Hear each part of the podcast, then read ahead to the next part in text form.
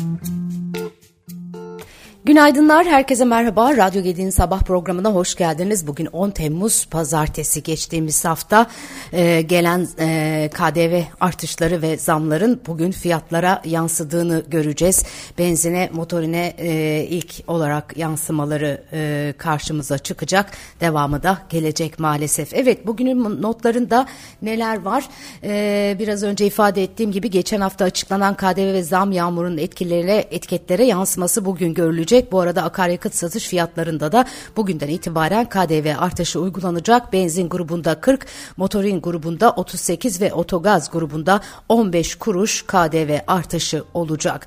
Körfez ziyaretini değerlendiren Cumhurbaşkanı Yardımcısı Cevdet Yılmaz yeni projelerin yanı sıra özellikle savunma ve enerji alanlarında işbirliğini güçlendirmeyi hedeflediklerini ifade etti. Bilindiği gibi Cumhurbaşkanı Erdoğan'ın önümüzdeki günlerde Birleşik Arap Emirlikleri'ni ziyaret etmesi bekleniyor. Hazine ve Maliye Bakanı Mehmet Şimşek ekonomi politikalarına ilişkin sosyal medya üzerinden mesaj vermeye devam ediyor. Şimşek hafta sonu yaptığı paylaşımda mali disipline vurgu yaparak bütçe açığını kontrol altına alacaklarını, kamu maliyesi göstergelerinde kalıcı bozulmalara geçit vermeyeceklerini söyledi.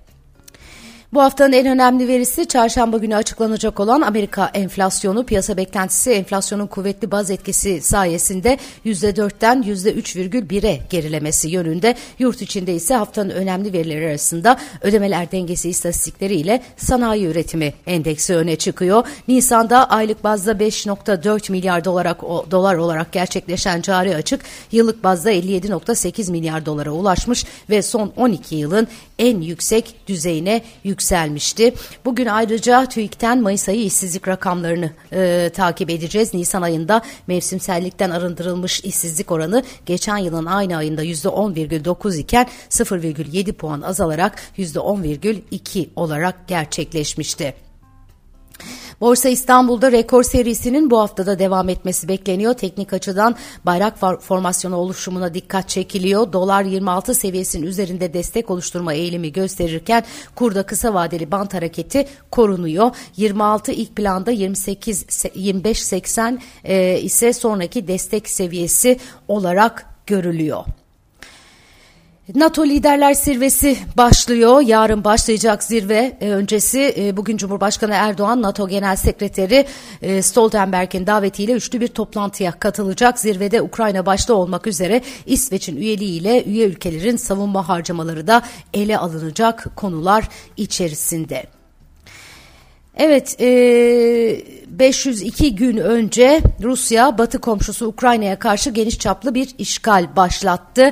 E, savaşın 500 günlük muhasebesi var manşetlerde. Kremlin özel özür diliyorum hızlı bir özel askeri operasyon olmasını umuyordu ancak 16,5 ay sonra çatışmalar hala devam ediyor ve görünürde bir son yok.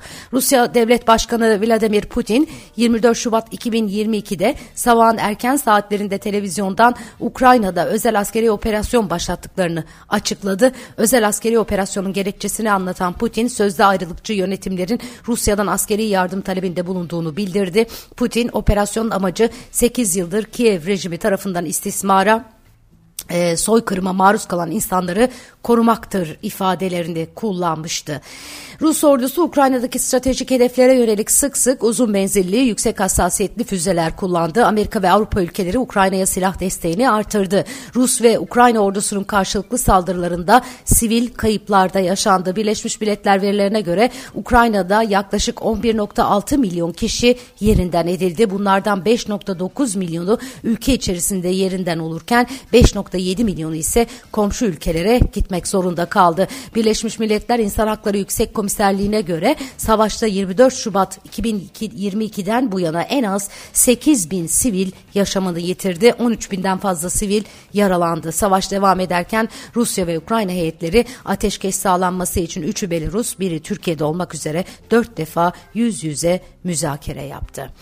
E, diğer yandan Avrupa Birliği savaş boyunca Rusya'ya karşı 11 yaptırım paketi kabul ederek binin üzerinde kişi ve 200'den fazla kuruluşa yaptırım kararı aldı. Binin üzerindeki kurul, uluslararası şirket boykot amacıyla Rusya'yı terk etti veya faaliyetlerini kısıtladı. Avrupa Birliği Rus petrol ve doğal gazına yönelik tavan fiyat uygulaması kararı aldı.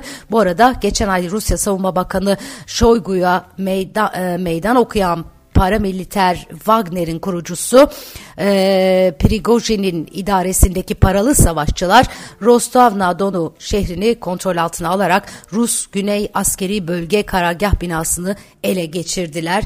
Yani 11 yaptırım paketi bir darbe girişimi yine bu sırada 500 gün içerisinde 500'den fazla gün içerisinde gerçekleşti.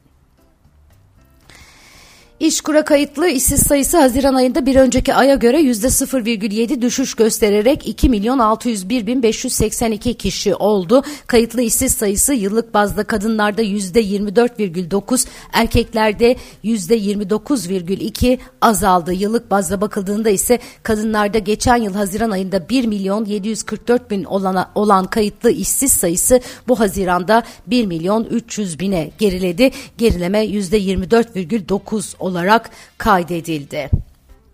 İstanbul Ticaret Odası Başkanı Şekip Avdagiç'in değerlendirmeleri var. SGK üst limitinin gözden geçirilmesi lazım. Asgari ücretle belirlenen net rakamla ilgili bir sıkıntımız yok. Şu andaki yaşam şartları içinde eleştirimiz bulunmuyor. Öte yandan gelir vergisi dilimlerinin gözden geçirilmesi ve kıdem tazminatı ile ilgili düzenlemelerin gözden geçirilmesi gibi konulara önem vermekteyiz diye konuşmuş.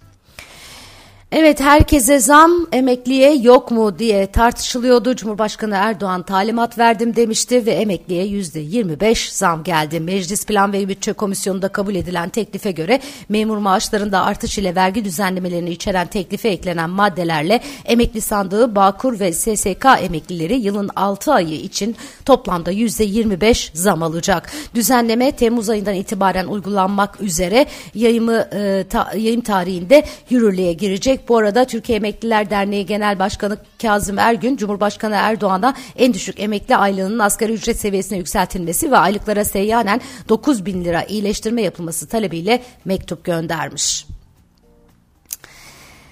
Evet ekmek 10 lira oldu diye bu hafta sonu manşetler vardı. İstanbul Valiliği kentteki ekmek fiyatları ile ilgili yeni bir düzenleme yapılmadığını söylemiş. Valilikten yapılan açıklamada İstanbul'da ekmek fiyatlarının zamlandığına dair basında ve sosyal medyada haberler yer aldığını belirtip açıklamada İstanbul'un ekmek fiyatları ile ilgili yeni bir düzenleme yapılmamıştır. Halen 200 gram ekmek 5 liradan satılmaktadır bilgisi verildi. Pardon 10 lira olan simitti 7-8 liradan bahsediliyordu ekmek içinde. Bugün olmasa bile yarın o ekmek ekmeğe zam geleceğini biliyoruz. Türkiye Cumhuriyet Merkez Bankası makro ihtiyati önlemlerin sadeleşmesi süreci çerçevesinde ikinci adımı zorunlu karşılıklar cephesinde attı. Resmi gazetede yayınlanan düzenleme ile bankaların bilançolarında tuttukları TL ağırlığı hedefi zorunlu karşılıklar içinde %60'dan %57'ye indirildi. Bankalar bu TL oranının altında kalırlarsa %5 zorunlu karşılık ayırmak zorunda kalacaklar. 22 Haziran 2023 tarihli e, para piyasası kurulu e, kararında mevcut makro ve makro ihtiyati çerçevenin ülkenin etki analizlerine dayanarak ve kademeli bir anlayışla sadeleştirileceği ifade edilmiş ve bu kapsamda ilk adım 25 Haziran'da atılarak kamuoyuna duyurulmuştu. 2023 yılı Merkezi Yönetim Bütçe Kanunu ile bağlı cetvellerinde değişiklik yapılmasına dair kanun teklifi Meclis Başkanlığına sunuldu. Teklifin genel gerekçesinde 2023 yılı Merkezi Yönetim Bütçe Kanunu ile Merkezi Yönetim Bütçe giderleri için 4 trilyon 469 milyar 570 milyon 19 bin lira ödenek tahsis edildiği hatırlatıldı. 6 Şubat 2023'te meydana gelen Kahramanmaraş merkezli depremler nedeniyle yapılan harcamalar başta olmak üzere kamu idarelerinin ödenek ihtiyaçlarının karşılanabilmesi amacıyla 1 trilyon 119 milyar 514 milyon 513 bin lira ödeneğin ilgili kamu idare bütçelerine eklenmesinin teklif edildiği bildirildi. Ek bütçe teklifi meclis başkanlığına sunulmuş oldu.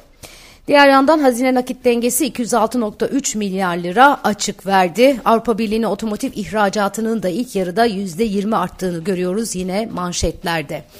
Ankara-İstanbul otoyolu aşırı yağış sonucu oluşan heyelanlar nedeniyle kapandı. Ulaştırma ve Altyapı Bakanı Abdülkadir Uraloğlu otoyolun bugün akşam saatlerine kadar kapalı kalabileceğini duyurdu. Çok sayıda araç uzun kuyruklar oluşturuyor. Bakan Uraloğlu yollarda kalan araçların eski yol olarak bilinen Bolu Dağı üzerinden geçirilmeye çalışıldığını aktardı. Bakan Ankara-İstanbul arasında karayoluyla gidilecek gidecek araçların Ankara, Eskişehir, Bilecik, Sakarya istikametini kullanmalarını tavsiye etti.